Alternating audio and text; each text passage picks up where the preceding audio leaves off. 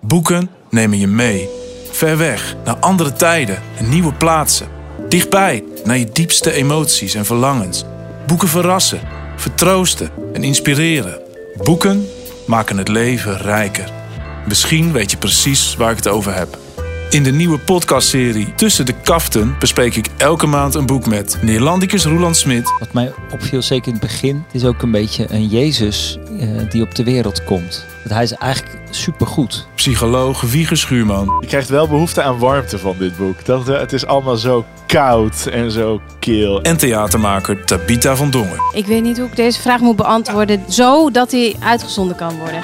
Ook krijg je boekentips van boekverkoper Hans Loeven. Prachtig geschreven, mooi boek. Hoor je een liedje dat speciaal bij het boek van de maand is geschreven? En ontdek je wat bekende christelijke artiesten en sprekers aan het lezen zijn? En ik vind het een fascinerend boek. Vanuit Boekhandel Riemer in Amersfoort de nieuwe podcast Tussen de Kaften met Peter Dijkstra. Lees mee, luister mee en schuif aan bij ons aan tafel. Want samen ontdekken we meer tussen de kaften.